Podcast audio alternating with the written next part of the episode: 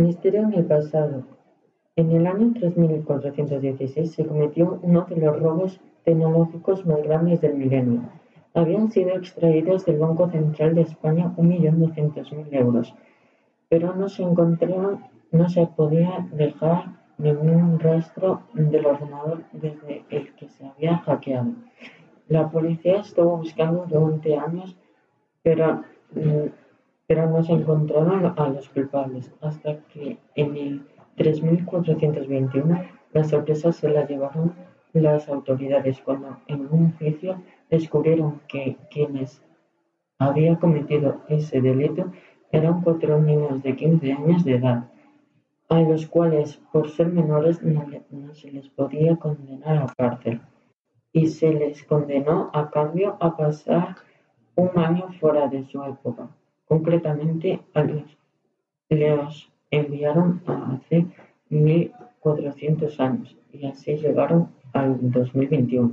Tuvieron que matricularse en un instituto y decidieron ir al IES Valadares. Cuando llegaron se sintieron fuera de lugar, pero aún así hicieron amigos, cinco niños de su edad. Una mañana que llovía decidieron pasar la hora del recreo en la biblioteca con sus amigos, buscando libros que les gustasen. Se interesaron específicamente por uno sobre la historia del instituto.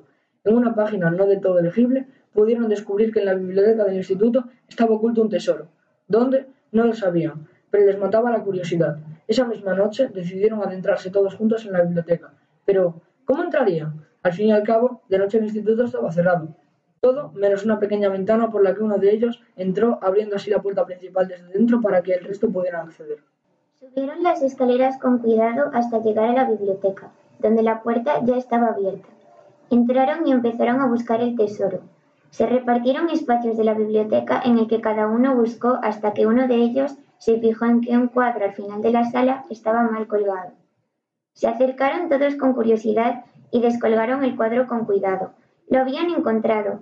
Detrás de aquel cuadro se escondía una gran caja fuerte incrustada en la pared, con un candado de oro que la cerraba. Para desbloquearlo deberían introducir en él un código de dos dígitos, pero ¿qué dígitos introducirían? Al cabo de un largo periodo de tiempo buscando, encontraron detrás de otro cuadro la siguiente operación: 2 por, abro paréntesis, x más 6 igual a 5x partido de 2 más 6. Rápidamente la resolvieron y supieron que el número que tenían que introducir era 12, el número con el que el candado se abrió.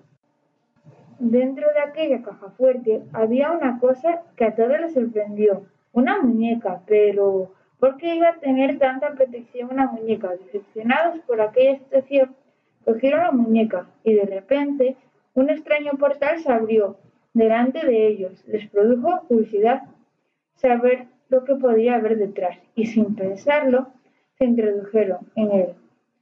Aparecieron en el futuro, el lugar donde los niños aspiraron a ser delincuentes.